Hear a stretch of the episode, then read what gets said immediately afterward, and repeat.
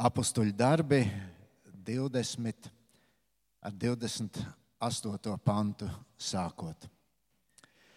Tāpēc sargaiet paši sevi un visu ganāmo pulku, kurā svētais gars jūs iecēlis par sargiem, ganīt dieva draugu, ko viņš pats ar savām asinīm ieguvis par īpašumu. Es zinu, ka pēc manas aiziešanas pie jums iebruks plēsīgi vilki, kas nesaudzēs ganāmo pulku. No jūsu pašu vidus celsies vīri, atgādnības runādami, lai aizrautu mācekļus sev līdzi.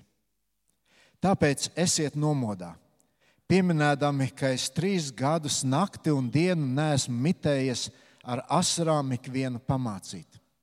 Un tagad es jūs uzticu tam kungam un viņa žēlastības vārdam, kas spēj jūs celt un dot mantojumu līdz ar visiem svētiem. Sudrabu, zeltu vai drēbes ne no viena nesmu kārojis. Jūs paši zināt, ka šīs manas rokas kalpojušas manām vajadzībām un tiem, kas pie manis bija. Es jums visās lietās esmu rādījis, ka tā strādājot, nākas gādāt par vājiem, pieminot Kunga Jēzus vārdu, jo Viņš pats sacīs: Svētīgāk ir dot nekā ņemt. Un to sacīs, viņš ceļos nometties, līdz ar viņiem visiem lūdza Dievu. Devis Tēvs, paldies par Tavu vārdu atkal šodien. Un uh, es, kungs, lūdzu, lai mēs ar pazemīgām sirdīm šajā brīdī varam tam tuvoties atzīstot tavu vārdu autoritāti, tavu vārdu spēku, atzīstot, ka tu esi kungs pāri visam. Paldies par draugu. Paldies par Vīlāns draugu. Paldies, ka tu savu draugu mīli. Dievs palīdz arī mums to mīlēt. Amen. Lūdzu, sēdieties.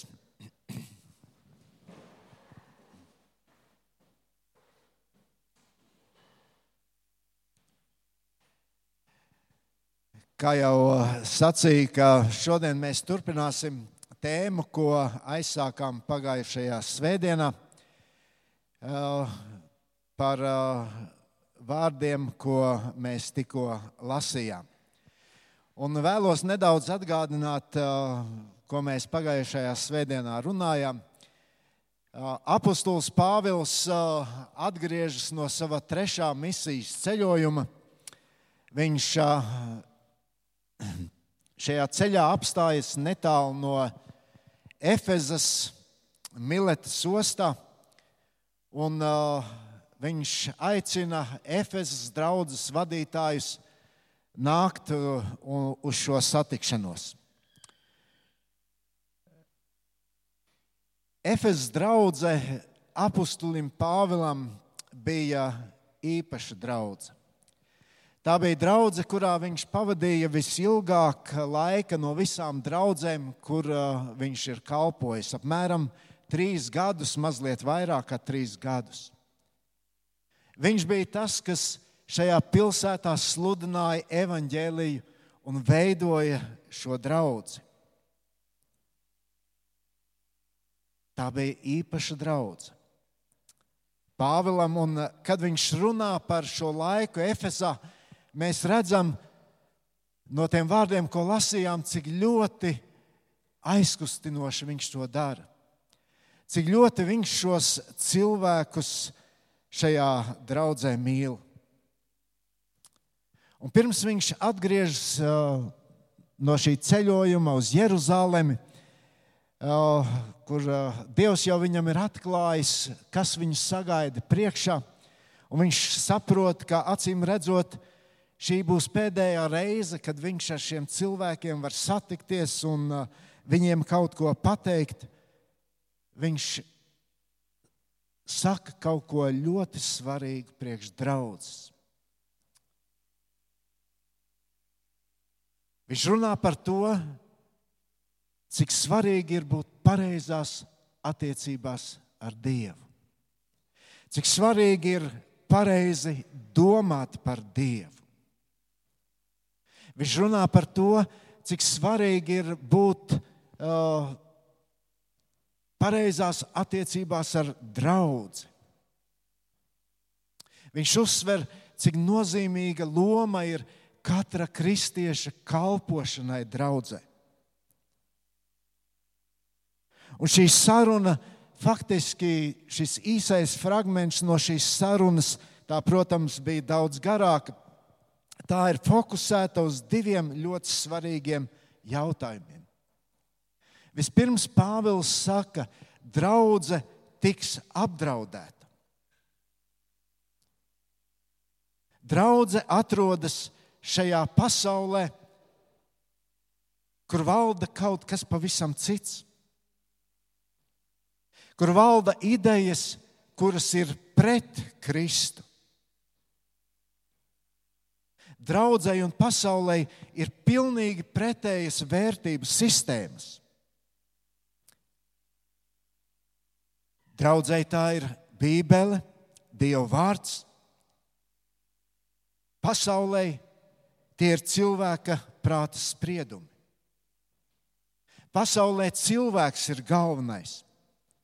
Turpretī draudzēji Dievs ir galvenais, Kristus ir galvenais. Un apostols Pāvils tik ļoti skaisti to pasaka vēstulē romiešiem 11.33. Viņš saka, no viņa, caur viņu, uz viņu visas lietas. Viņam lai ir gods mūžīgi. Āmen. Tā ir īsta kristietība. Īstas kristietības būtība. Kristus centrā. Kristus ir viss. Un tāpēc pasaule un draudzene nekad, mīļie, nespēs vienoties. Tas vienkārši nav iespējams. Un tāpēc Pāvils saka, draudzene, rēķinies ar pretestību. Mēs pagājušajā reizē pieminējām, kā arī Kristus par to runā ar saviem mācekļiem. Viņš saka, Matei 16, 18, uz šīs klints, tas ir pēc sarunas ar, ar Pēteri, kur Pēters apliecina, kas tad ir Kristus, ko viņš par viņu saka. Viņš saka, tu esi Kristus dzīvā Dieva dēls. Jēzus saka, uz šīs klints, uz šo liecību, ka cilvēki to pieņems, ka Kristus ir valdnieks. Uz tā es gribu celt savu draugu. Un elles vārtiem to nebūs uzvarēt. Jēzus jau saka, būs pretestība. Bet Jēzus dod arī šo garantiju. Draudzēji ir, ir Dieva ielikta drošības sistēma. Un, mīļie, tā nav nekāda nekāda ārēja apsardzība. Nē, bet tā ir ielikta draudzes iekšienē. Iepriekšējā svētdienā mēs runājam par šiem draudiem, ar ko draudzēji ir jāsastopas. Un jāsastopas draudzes iekšienē. No kā mūsu Pāvils aicina uzmanīties? Viņš aicina uzmanīties no cilvēkiem, kuri nemīl un kuriem nerūp cilvēku glābšana. No cilvēkiem, kuri darbojoties draudzē, rūpējas tikai par sevi, savu godu, nevis Kristus godu. Mēs šeit lasījām, es zinu, pēc manas aiziešanas pie jums iebruks plēsīgi vilki, kas nesaudzēs ganāmo pulku. No jūsu pašu vidus celsies vīri, atgādnības runādami, lai aizrautu mācekļus sev līdzi. Pāvils nesauc viņus vienkārši par vilkiem, bet par plēsīgiem vilkiem. Par plēsīgiem vilkiem, kuri nesaudzēs ganāmo pulku, kuri nemīlēs. Nemīlēs cilvēkus. Viņiem ir vienalga, lai tikai sasniegtu savu mērķi. Un ievērojiet, Pāvils šeit saka, no jūsu vidus. Tie būs reliģiozi cilvēki, kuri ir kļuvuši par daļu no draudzes. Bet tajā pat laikā viņi kaut ko citu mīlēs vairāk. Nevis Kristu un nevis viņa draugu. Vēl Pāvils brīdina no šo cilvēku bīstamiem mērķiem. Mēs lasījām, lai aizrautu mācekļus sev līdzi. Un iepriekš, iepriekš Pāvils tik skaidri runā, draudzene pieder Dievam. Draudzene Jēzus ar savām asinīm ir ieguvis sev par īpašumu. Draudzē Kristus un Dievs ir galvenais. Un pretstats, lai aizrautu mācekļus sev līdzi. Nevis vedīs pie Dieva, nevis vedīs pie Kristus, bet sev līdzi.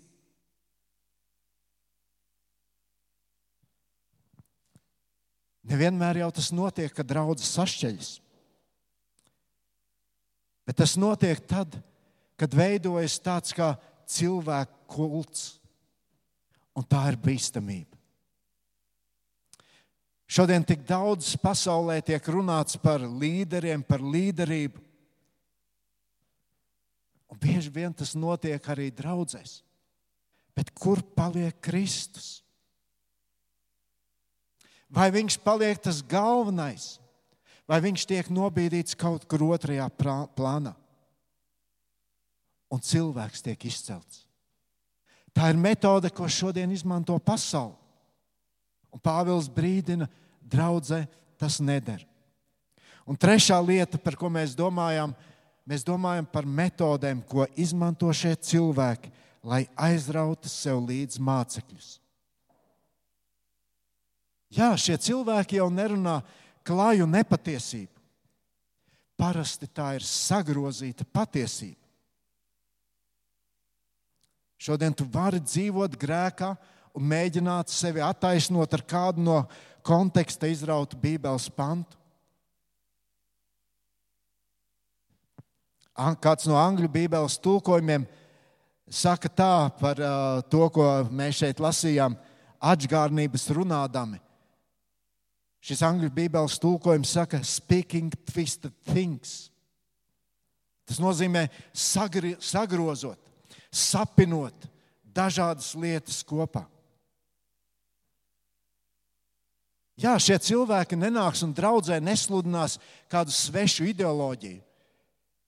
Viņi nesludinās Leņķinu vai Kārlu Marksu.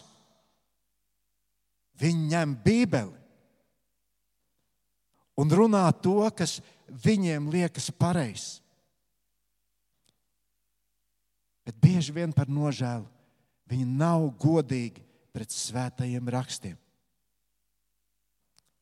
Tās bija trīs lietas, par ko mēs domājam, kas apdraud draugu. Un zinot, ka tāda problēma draudzēs būs, kā jau teicu, Dievs parūpējas par draudzes aizsardzību. Kāpēc Dievam vajadzēja to darīt? Tāpēc, ka priekš Dieva draudzēji ir milzīga vērtība. Mēs lasījām 28. pantā. Tāpēc sargiet paši sevi un visu ganāmo pulku, kurā svētais gars jūs iecēlis par sargiem ganīt dieva draugu, ko viņš pats ar savām asinīm ieguvis par īpašumu. Redziet, cik ļoti šeit tas ir uzsverts. Vispirms, ka tā ir Dieva draudzene. Mīļie, ja mēs šodien esam šeit, Vīlandes draudzē, tā nav ģirta, Markus vai Raimonda vai vēl kāda cilvēka no padomas draudzes. Nē, Tā ir Dieva draudzene. Dieva vārds saka, Viņš pats, Kristus pats ar savām asinīm, to ir ieguvis sev par īpašumu. Tik daudz Dievam maksāja draudz. Vispirms jau Jēzum bija jānāk uz zemi, jākļūst par cilvēku. Viņam bija jāuzņemas visu cilvēku vaina. Viņam bija jāmirst par mūsu grēkiem. Apostols Pēters arī par to raksta. Pirmā Pētera, Pētera vēstule, pirmā nodaļa, 8, no 18. panta.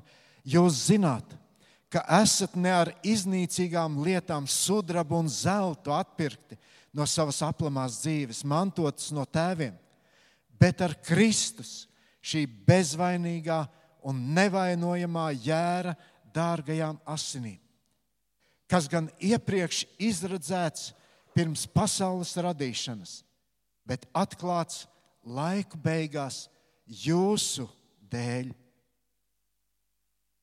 Mīļie, Kristus par draugu samaksāja neizmērojamu cenu. Un tāpēc draudzene nav cilvēka veidota organizācija, kur cilvēki vienkārši sanāca, nolēma kaut ko veidot. Pēters saka, to ziniet, to vienmēr paturiet prātā, cik dārga draudzene ir Dievam. Un tāpēc mēs, mēs kā draugi arī nākam un baudām svēto vakarēdienu. Mīļie, tam nevajadzētu kļūt vienkārši par tādu ieradumu, bet brīdi, kad mēs katrs sev atgādinām to cenu, to cenu, ko Kristus par mums samaksāja, mirstot pie krusta cenu, ko viņš samaksāja par savu draugu. Un šī draudzes milzīgā vērtība, tā prasa ļoti uzmanīgu attieksmi pret to. Tādai vajadzētu būt katra cilvēka attieksmei draudzē. Protams, īpaši mācītājiem, vadītājiem, kalpotājiem. Un tad mēs nonākam pie šiem aizsardzības mehānismiem, ko Dievs ir ielicis draudzē.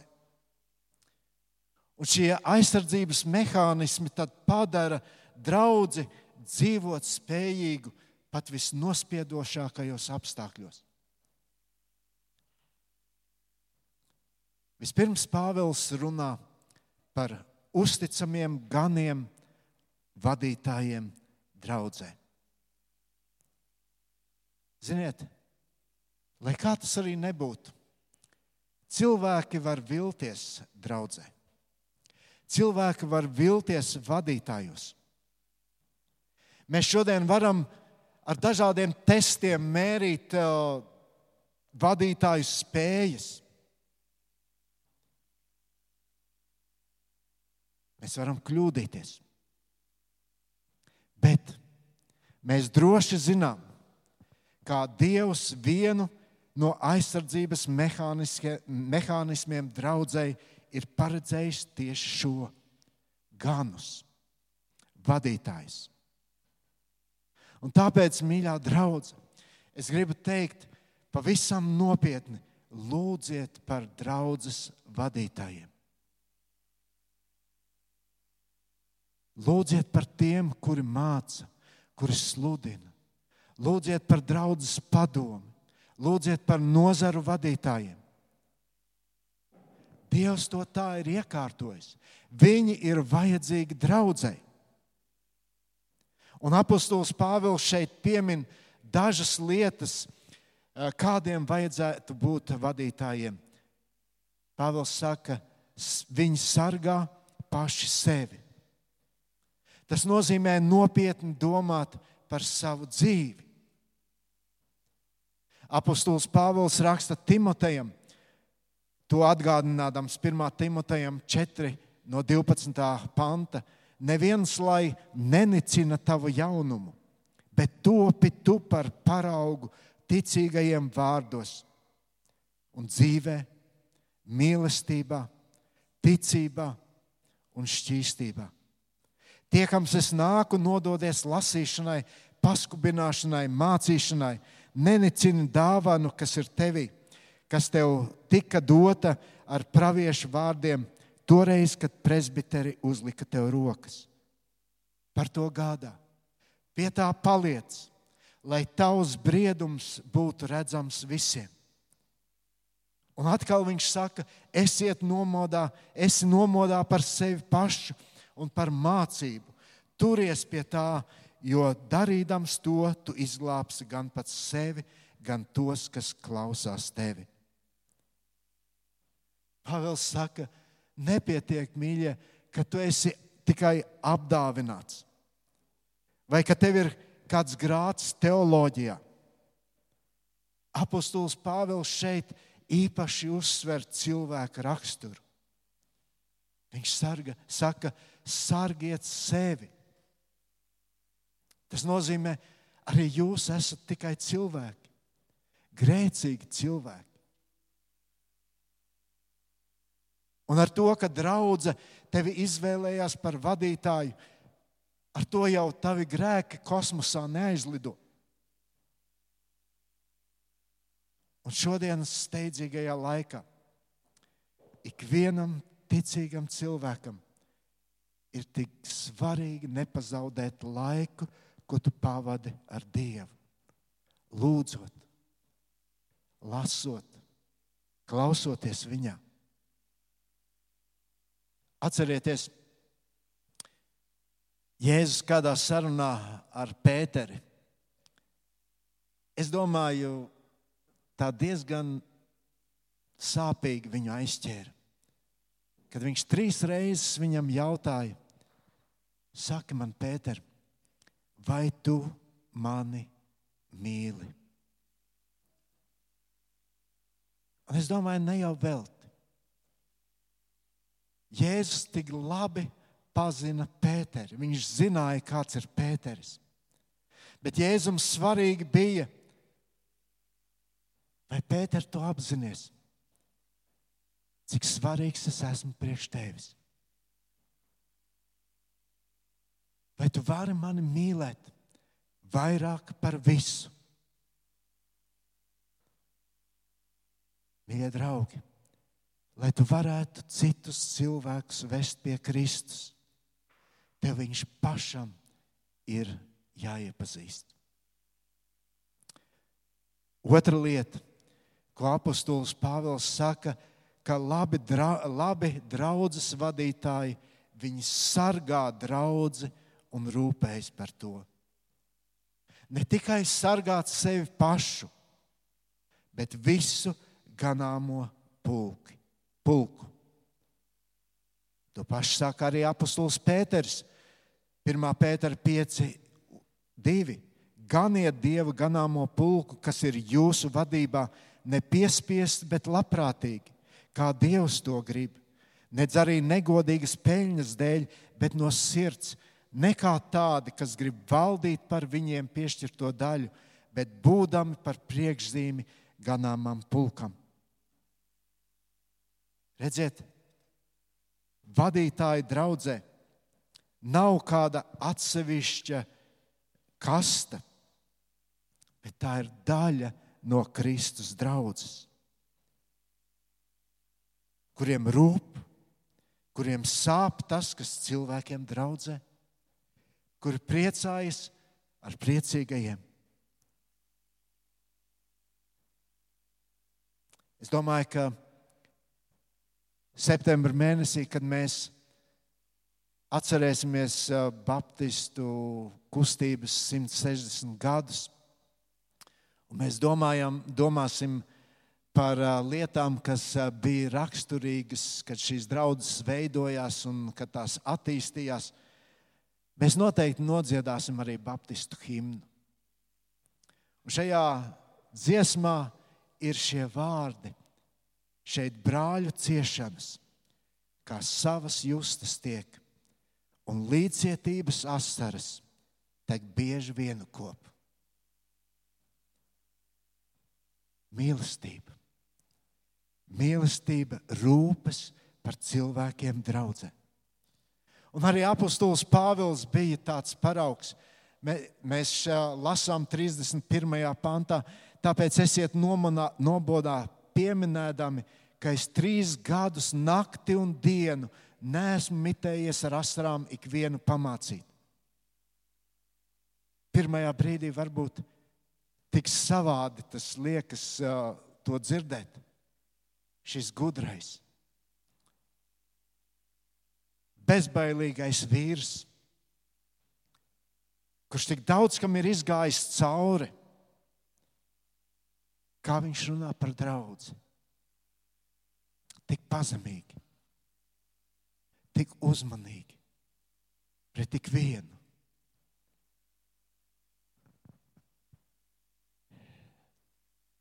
Tas bija jau diezgan sen atpakaļ. Es biju tāds um, jauns kalpotājs savā pirmajā draudzē. Un uh, sākās atmodas laiks Latvijā. Un uh, cilvēki interesējās par, garīgu, par garīgām vērtībām. Nāca uz baznīcu, bērni nāca uz svētdienas skolu. Un mēs uh, draudzē rīkojām evanģelizācijas dievkalpojumu. Uzaicinājām dedzīgu sludinātāju. Viņš daudz uh, savā dzīvē bija piedzīvojis. Un daudz arī stāstīja par sevi, par to, ko Kristus viņa dzīvē darījis. Un dievkalpojuma beigās izskanēja aicinājums cilvēkiem nožēlot grēkus, nodot savas dzīves Kristum. Nekas nenotika. Nekas nenotika. Mēs dziedam pēdējo dziesmu. Un šis brālis pieliecis pie, mani, pie manis un saka, zini, es nezinu, kas šodien šeit notiek. Droši vien, ja man būtu šis čemodāniņš un es varētu nospiest pogu, lai palaistu raķeti ar kodola galviņu, arī tas neko nemainītu. Ziniet, toreiz man bija tik skumji.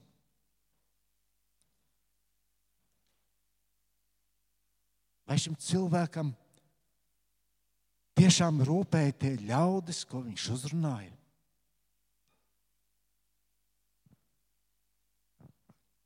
Apostols Jānis 3. vēstulē, 4. pantā raksta, man nav lielāka prieka, kā dzirdēt, ka mani bērni dzīvo patiesībā. Apostols Pāvils Pirmā vēstulē Thessaloniķiešiem, otrajā nodaļā saka, lai gan mums, kā Kristus apstuļiem, būtu bijis iespējams sev prasīt sevišķu cieņu, bet mēs jūsu starpā esam bijuši saudzīgi kā māte, kas lolo savus bērnus. Tādas ir bijušas mūsu jūtas pret jums. Mēs ar jums gribējām dalīties nevien Dieva evaņģēlijā, bet arī savā dvēselē. Jo tik mīļi jūs mums bijāt kļuvuši. Mīlēt cilvēkus, lūk, īstā ganīšana, vadīšana. Nākt pie cilvēkiem mīlestībā, no sirds, neuzsverot savu statusu Un tad vēl trešā lieta, ko Pāvils saka, labi vadītāji ziedojas draudzes labā. Un patiesa kalpošana Kristum tā vienmēr būs saistīta ar ziedošanos.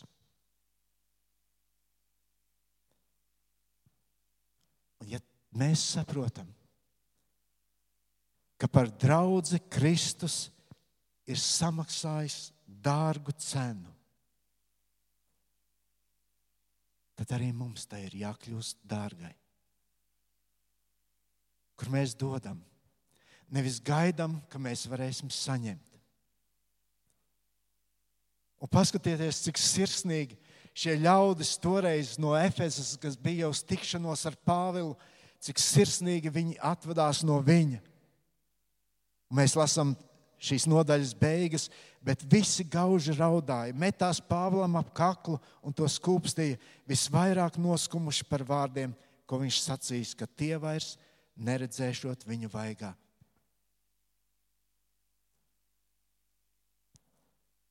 Mīļie, lūdziet par draudzes vadītājiem.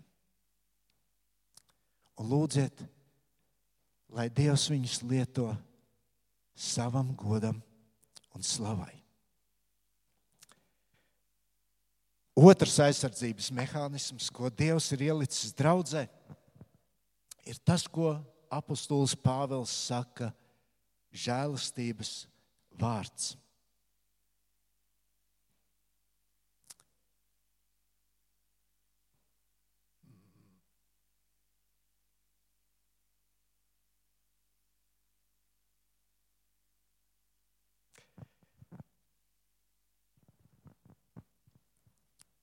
Pāvils saka, un tagad es jūs uzticu tam kungam un viņa žēlastības vārdam, kas spēj jūs celt un dot mantojumu līdz ar visiem svētiem. Mīļie, kā jau teicu, vadītāji draudzē ir svarīgi. Bet viņi nav nekas bez Dieva vārda. Un vienīgais, ko draudzes vadītāji var izdarīt, lai pasargātu draugu no plēsīgiem vilkiem, ir ņemt Dievu vārdu un to nodot cilvēkiem. Tikai ar Dievu vārdu patiesības, tikai Dievu vārda patiesības pieņemšana var mainīt cilvēkus, var mainīt, var stiprināt tos, iedrošināt līdzināties Kristum. Un tāpēc ir tik svarīgi, lai Dieva vārds draudzē tiktu turēts kā liela vērtība. Jā, draudzene var darīt daudz un dažādas lietas. Varbūt var darīt arī lietas, labas lietas, ko pasaule dara. Bet, ziniet, tikai draudzē ir šī ekskluzīvā iespēja sludināt Dievu vārdu. Tam ir jābūt galvenam draudzē. Mums tas ir jāmīl. Mums tas ir jāzina. Mums tas ir jāsaprot. Mums ir jāļauj Dievu vārdam vadīt mūsu dzīves. Bet, kā jau teicu, apustulis Pāvils šeit uzsver žēlastības vārdam. Redziet, mēs varam ļoti dažādi izturēties pret Bībeli. Mēs varam uz to skatīties kā uz likumu grāmatu. Tur ir rakstīts, to drīkst, to nedrīkst. Ziniet, tā darīja farizēji. Farizēji ļoti labi to zināja un izmantoja. Izmantoja, lai izceltu sevi un nonicinātu citus. Šodien Bībeli mēs varam uzsvert kā filozofijas grāmatu. Sanākt kopā, vienkārši parunāt, pafilozofēt un aiziet. Nekā no tā nepaņemt. Neļaut tam skart mūsu dzīves. Žēlastības vārds nozīmē, ka mēs uz Bībeli skatāmies caur Jēzus evaņģēliju. Žēlastības vārds nozīmē, ka mēs uz Dieva vārdu skatāmies caur to, ko Kristus paveica pie Golgātas krusta. Un ja tā mēs skatāmies uz Dieva vārdu, tas mums dod kā draudzēji dzīvību. Jo tad mēs saprotam, bez šīs žēlastības vārda, bez tā, ko Kristus ir izdarījis, mēs neesam nekas. Un tikai caur Jēzu Kristu mēs esam kaut kas. Ja draudzēs netiek sludināts žēlastības vārds, tad draudzene pārvēršas par vienu no daudzajām organizācijām. Tāpēc turēsimies pie Dieva vārda. Un tad vēl trešā aizsardzība draudzēji par, kurā, par ko runā apustulis Pāvils, un tas ir pats Dievs. Un tagad es jūs uzticu tam kungam. Mīļie, tikai Dievam ir pietiekoši spēka, lai draugi aizsargātu. Ja Dievs to nedarīs, tad nekā nebūs. Un tāpēc mēs lūdzam. Tāpēc mēs lūdzam Dievu. Un mana pārliecība ir, ka lūkšanai ir milzīga nozīme draudzes izdzīvošanā un pastāvēšanā. Jāņa evanģēlijā, desmitajā nodaļā, Jēzus saka, manas avis, manas avis dzird manu balsi. Es tās pazīstu un viņas man seko. Un es tām dodu mūžīgo dzīvību, un viņas nemūžam neies bojā. Un neviens tās neizraus no manas rokas. Mans tēvs, kas man tās devis, ir lielāks par visiem, un neviens neko nevar izraut no tēva rokas. Bet tā nav viena liela garantija draudzēji, ka draudzene pastāvēs, ka draugi Dievs sargās un aizvedīs līdz galam. Lai Dievs palīdz, ka mēs tā varētu lūkoties uz draugu. Ja arī tu esi no citas draudzes, Es noslēgšu ar vārdiem, ko lasījām sākumā, ko Pāvils raksta Filipiešiem. Es pateicos savam Dievam, ikreiz, kad vien jūs atceros. Vienmēr katrā savā lūkšanā par jums visiem ar prieku aizlūgdams par jūsu līdzdalību evaņģēlijā no pirmās dienas līdz šim brīdim, būdams pārliecināts, ka tas, kas jūsu sirdīs labo darbu iesācis, to pabeigs līdz Kristus Jēzus dienai. Un, mīļie, tagad mēs lūgsim. Un es gribu, lai šodien mēs Dievam īpaši pateicamies par draugu. Lai šodien mēs Dievam īpaši pateicamies par šiem aizsardzības mehānismiem, kas ir ielikt draudzē. Un šodien, kā mēs šeit lasījām, es gribētu aicināt, ka mēs kā draugi visi varētu to darīt, arī nometoties ceļos. Lūksim Dievu!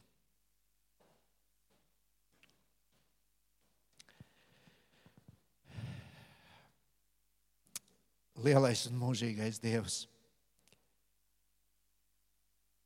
Mēs visā pazemībā nākam tavā priekšā un pateicamies Tev. Pateicamies par draudzi, ko tu, Dievs, tik ļoti mīli.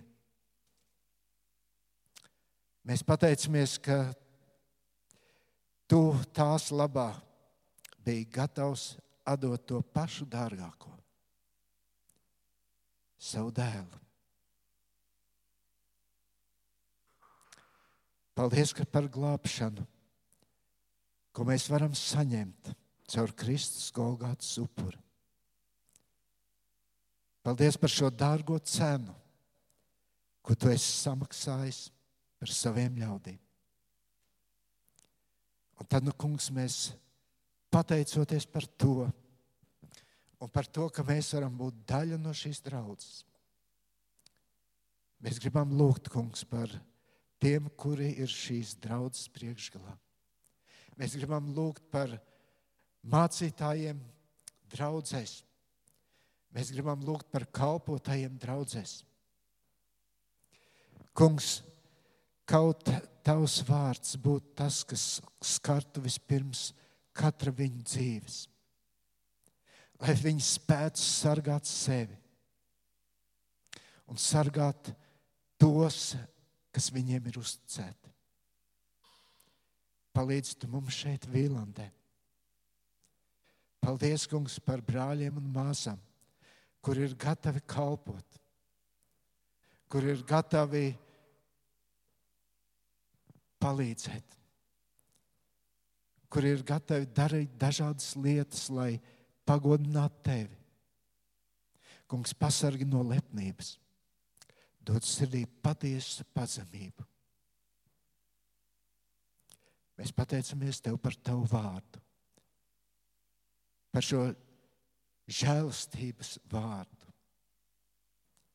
Paldies, ka mēs to varam sludināt šeit, draudzē. Mēs varam to pieņemt. Mēs varam no tā mācīties. Un ka tu ļauj mums piedzīvot, ka tavs vārds maina mūsu dzīves, ka ticība tam, paļāvība uz to, kungs mums pavisam citādāk ļauj raudzīties šodien uz pasauli, uz cilvēkiem sev līdzās. Mēs pateicamies par Tavu lielo mīlestību, Dievs, ar ko Tu turpini mūs mīlēt. Arī tad, ja mēs klūpam, Tu atkal esi tas, kas mūs pacēl. Mēs tevi slavējam un tev par visu pateicamies. Jēzus vārdā. Āmen!